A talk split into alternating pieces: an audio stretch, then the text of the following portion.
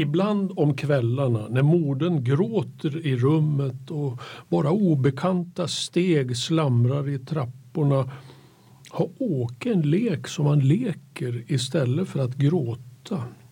Han leker att han är osynlig och att han kan önska sig dit han vill bara han tänker på det. De kvällarna finns det bara ett ställe att önska sig till och där finns alltså Åke mycket plötsligt. Han vet inte hur han har kommit dit, vet bara att han står inne i ett rum. Hur det ser ut vet han inte därför att han inte har ögon för det men det är fullt av rök från cigaretter och pipor och där skrattar män plötsligt till omotiverat och skrämmande och kvinnor som inte kan tala begripligt lutar sig fram över ett bord och skrattar lika förfärligt. Det skär som knivar genom Åke men han är ändå lycklig över att han är där. På bordet som alla sitter kring står flera buteljer och så fort ett glas är tömt skruvar en hand av skruvkorken och fyller det på nytt. Ja, jag blev ju själv väldigt tagen av Stigs novell Nattens lekar. Jag växte upp med en styvfar som var alkoholist. Det var mycket skrämmande. Mm. Och just att Nattens lekar är skriven ur ett barns perspektiv och beskriver då hur den här lilla Åke, 8-9 år, låtsas att han blir en superhero. Mm. Och han ska kunna rädda sin far och göra sin mamma glad. Mm. Det känner man igen. Det, det är många noveller som har barnperspektivet. Och jag funderar Folk frågar då vad ska man läsa av Stig Dagerman? Jag läser gärna barndomsskildringarna. Noveller som mm. Salt, kött och gurka, Överraskningen, Den här nattens lekar. Och det har kommit på varför jag säger så. Därför att Stig kom ihåg vad som skedde. Han kom ihåg vad han själv gjorde. Han kom ihåg hur det kändes. Han kom ihåg vad han tänkte. En förståelse som var väldigt djup av de här barnerfarenheterna. Och det kan ju ha, ha att mm. göra med att han väntar på sin mamma och sin pappa som aldrig kom. Alla andra har mammor och pappor mm. och jag har mm. bara farmor och farfar. Och han älskar ju dem men ändå, det kanske kom ur den erfarenheten. Att han öppnar så att säga, sinnena och bevara minnet av vad som hände och vad han tänkte och vad han kände. Mm. Mm. Jag, jag tänker också runt omkring mig när jag var barn, så nästan alla karlar söp. Så det är en likartad erfarenhet som du har Lo. Det var en, en ingift farbror som var syndikalist, helikonist, alltså ett sånt där stort horn som en bastuba. Han var esperantist, det var många syndikalister som var det. Och han var nykterist. Och så var han snäll. Mm. Ja, gick att lita på i, i alla väder. Alltså, vad jag tyckte var väldigt roligt också är att min son Dan, han är ju amerikan, vi bor i Amerika. Eh, när han gick på filmskola i New York så läste han då på engelska The Games of Night och blev väldigt rörd och tagen det var väl liksom den första då novellen, texten utav Stig som han läste. Och han gjorde sen sin egen lilla kortfilm The Games of Night, satt i New York, på den. Så det var kul.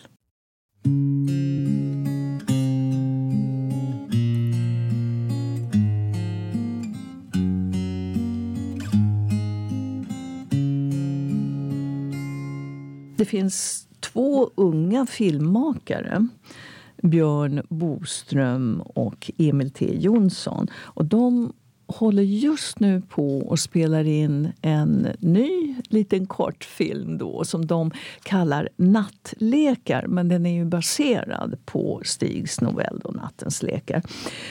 Och de hoppas att den här filmen att den ska liksom tjäna ett syfte med en mycket ung publik. Att de tar ut dem till skolorna.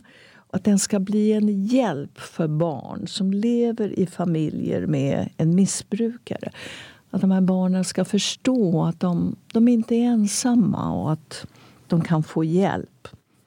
barn som är utsatta för ett missbruk. Ofta, missbruket går ofta hand i hand med annan sorts misär också.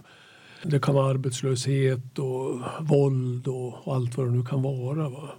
Brist på pengar. Det är så. Alla har inte möjlighet till ett anständigt liv. Och här finner i alla fall jag tröst när jag läser de här eh, novellerna. Eller tröst.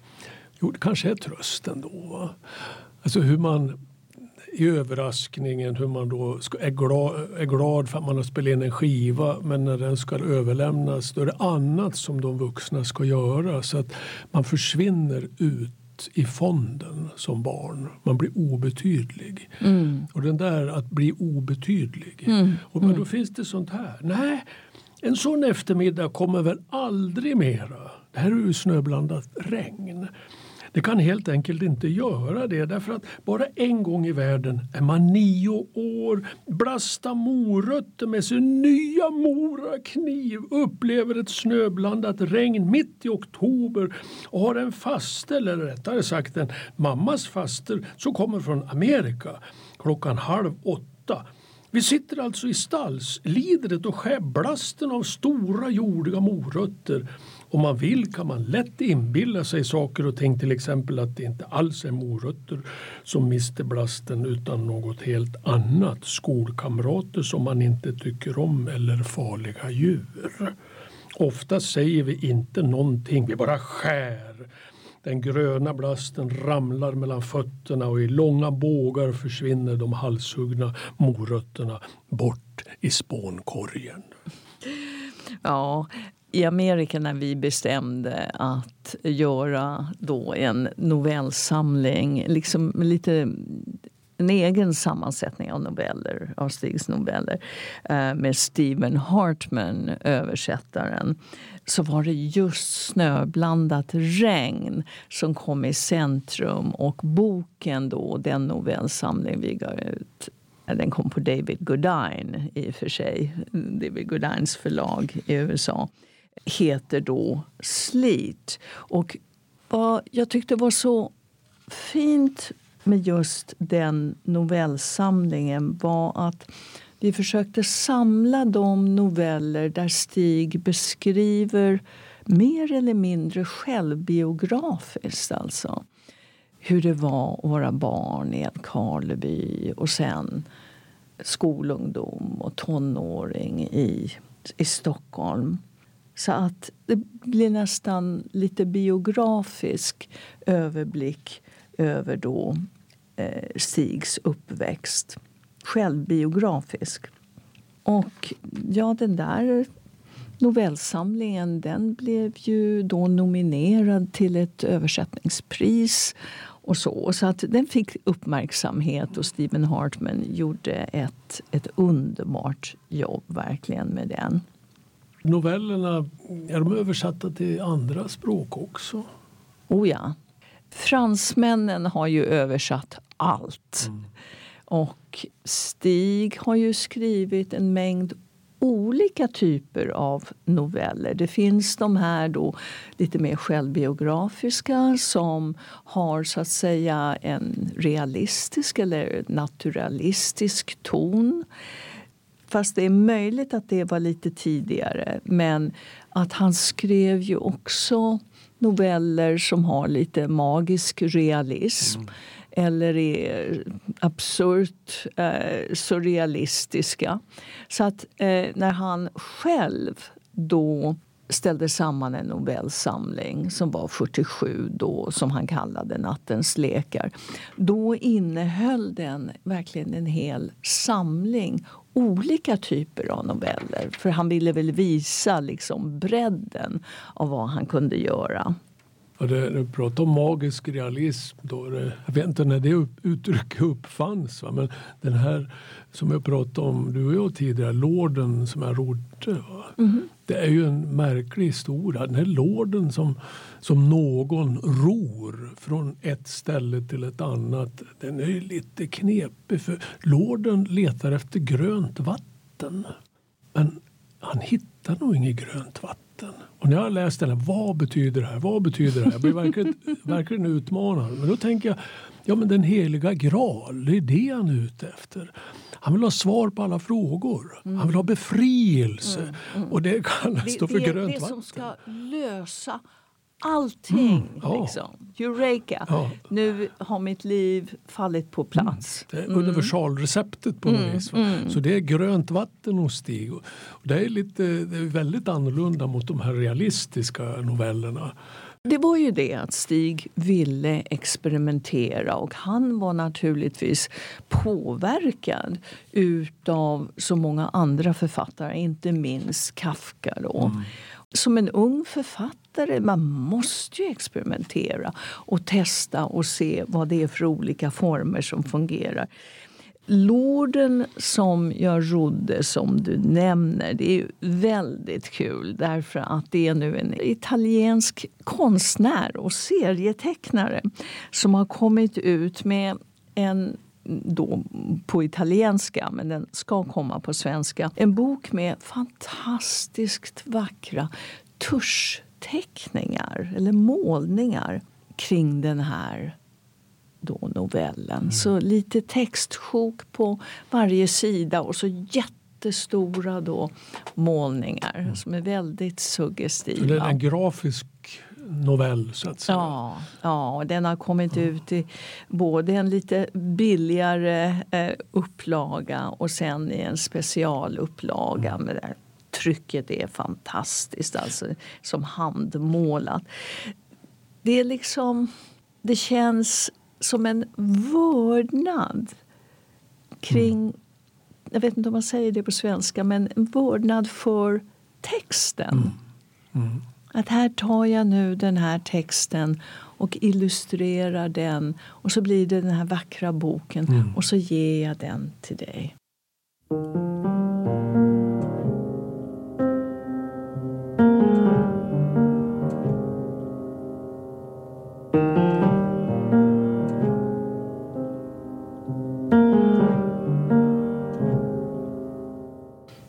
Fascinerande. Då har vi filminspelningar av noveller. Vi har översättningar till en bunt språk. Här är en grafisk roman eller novell som är på gång. Det skrivs musik. Det sätts upp pjäser. Filmer, filmer. Ja. Nu är det ju också då eh, Björn och Emil som jag nämnde som kommer med nattlekar. De gjorde här om året då Mannen som inte ville gråta, Stigs novell som är absurd. Mm. Eh, och som jag tror du har berättat lite om bakgrunden. Varför, varför skrev han den novellen? Jag vet inte riktigt. Men det var, det var någon som dog. Ja, var... var det som dog och som ja, alla ja. landssorg, alla ja, just, skulle gråta? Jo, det var Gustav den femte. Ja, nej, precis. Och då. Det var ju proklamerat tre dagars landssorg. Och Stig skrev ett kort stycke om det också. Att, ja, att det inte är demokratiskt. Det var, var en ganska giftig satir. Nu fan ska du gråta. Ja, gråt på beställning. Ja, ja. Och då, då, jag tycker, när jag såg filmen då tänkte än en gång Stig tilltalar unga människor. Unga som jobbar med andra medier. Med film, och mm, teater mm, och teckning precis. och så. Och mm. Det tycker jag är oerhört stimulerande för mig som en åldrande läsare ja. och intresserad. Att ja. det är andra i andra generationer med helt Precis. andra erfarenheter och mm. andra uttryck. Så ibland har jag tänkt så här, om, om Stig skulle ha varit igång nu, mm. 24 bast, hade han förmodligen gjort animerad film av sina berättelser mm. och samarbeta med, alltså med all den teknik ja, vi har. Absolut. Han var så nyfiken på nya former. Mm. Och mm. långt efter hans bortgång så kommer alltså andra människor och försätter hans texter i nya former mm. och mm. nya språk. Mm. Nu eh, talar vi inte i den här podden, i det här programmet om att döda ett barn. Och Därför att den är så speciell. Den kräver lite mer ja, utrymme. det kräver ja. mer utrymme. Och där eh, kom det ju under Stigs levnad en film. Och att Stig då jobbade med regissören. Så Stig var ju enormt intresserad av filmmediet mm. och väldigt själv då eh, visuellt. Han skriver ju så visuellt. och eh, intresserad av så att säga, dramaturgin i, i film.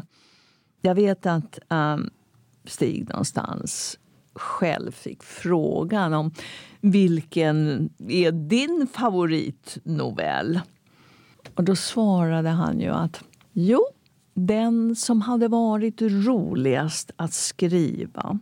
Och det är ju då den som heter Var är min islandströja? Och eh, den är ju skriven som en mans inre monolog. En man som kommer hem till byn från storstan för att begrava sin pappa. Och så har han börjat supa redan på tåget upp. Novellen är ju avslöjande på många sätt av den här alkoholistens självbedrägeri. Det är liksom de här frågorna vi kommer tillbaka till väldigt mycket i Stigs författarskap. Men han såg ju detta på så nära håll. Men det är också en rörande fyllemonolog mm. på något sätt. Fylld av eh, självömkan. Den har man faktiskt dramatiserat väldigt nyligen i Frankrike i Paris. Då. Det är någonting som heter La Nouvelle Compagnie. Och det är den iransk-franske teatermannen eh, Ram Soubani som han har tänt på den här texten. Och du skulle se, han spelar då själv i ett rum av speglar. Oj, mm -hmm. fascinerande. Jag, jag såg den 1990 80 eller om det var 89 i Frankrike. Det var en belgisk eh, skådespelare mm. som hette Roland På. På betyder påfågel. Och han var alltså ensam på scen, med, satt på en mur och det märkliga var att när han låtsas hoppa över en mur då kändes det som att det var muren i Älvkarleby som, mm. som uh, finns med i den här berättelsen. Uh, var är min islandströja? Ska jag läsa inledningen? Ja, gör det.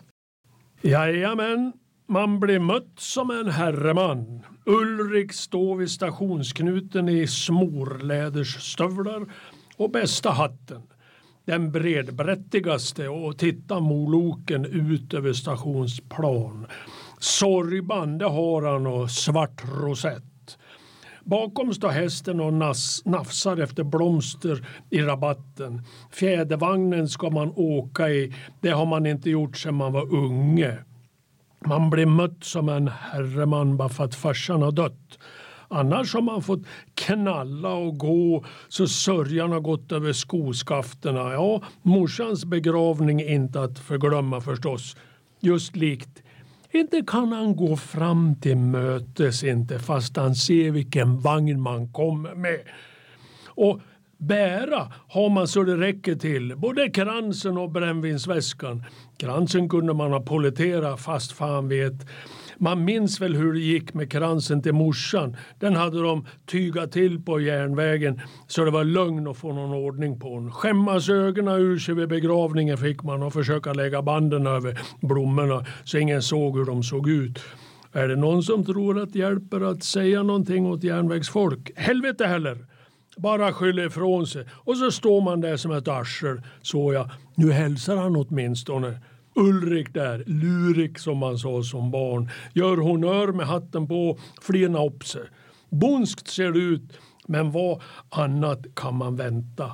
Och plåtslagaren, lördagsfull som vanligt, stannar och vill prata. Nu ser han på väskan vad som finns i en. Beklagar sorgen, säger plåtslagaren. Gick fort med gubben. Såg en dag innan och då var det bara uppåt. Att farsan söp på gamla dagar, nog vet man det. Men inte ska plåtslagaren dra fram det här mitt framför stationen inte. Undra om han är bjuden. Nog söp de ihop han och gubben på sistone. Men det behöver han då inte vara bjuden för.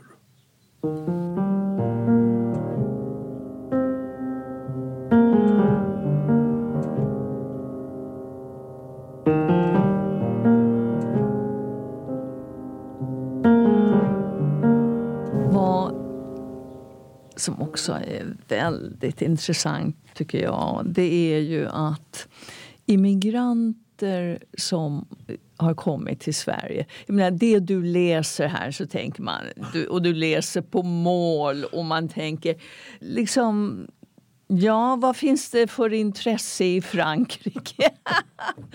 Men det finns det. Och det, är det som är så underbart liksom.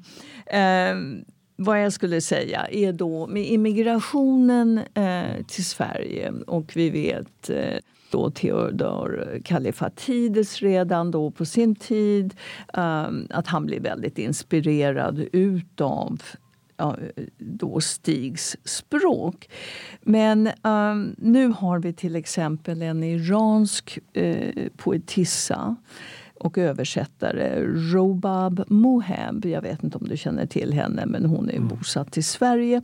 Och hon arbetar på en Dagerman novellsamling på då farsi. Hon har valt att inkludera överraskningen. Så jag tänkte, ska vi inte sluta med att lyssna en bit på Stig när han läser ur den novellen?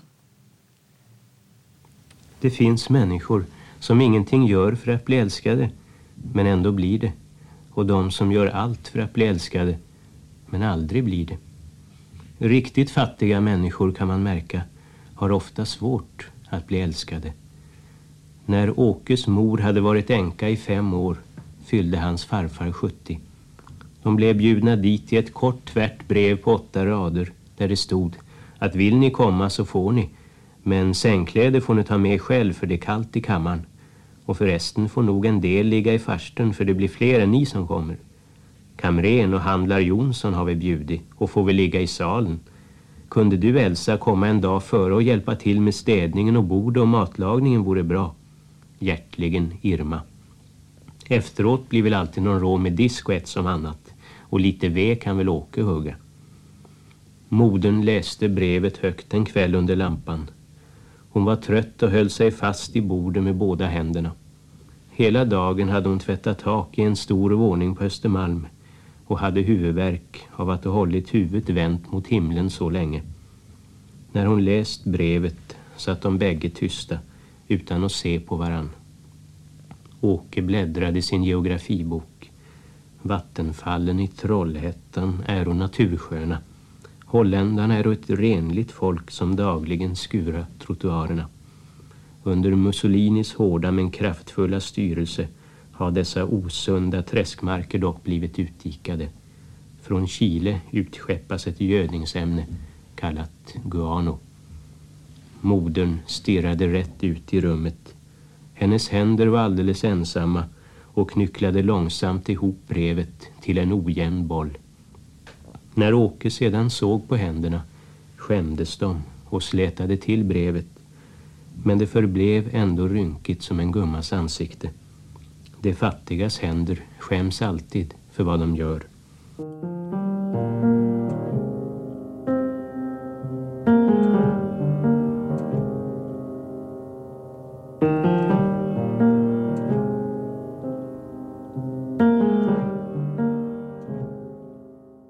Lyssnat på Dagerman-podden, en samproduktion mellan Bibliotek Uppsala, Region Uppsalas projekt Växelspel, Lo Dagerman och Bengt Söderhäll.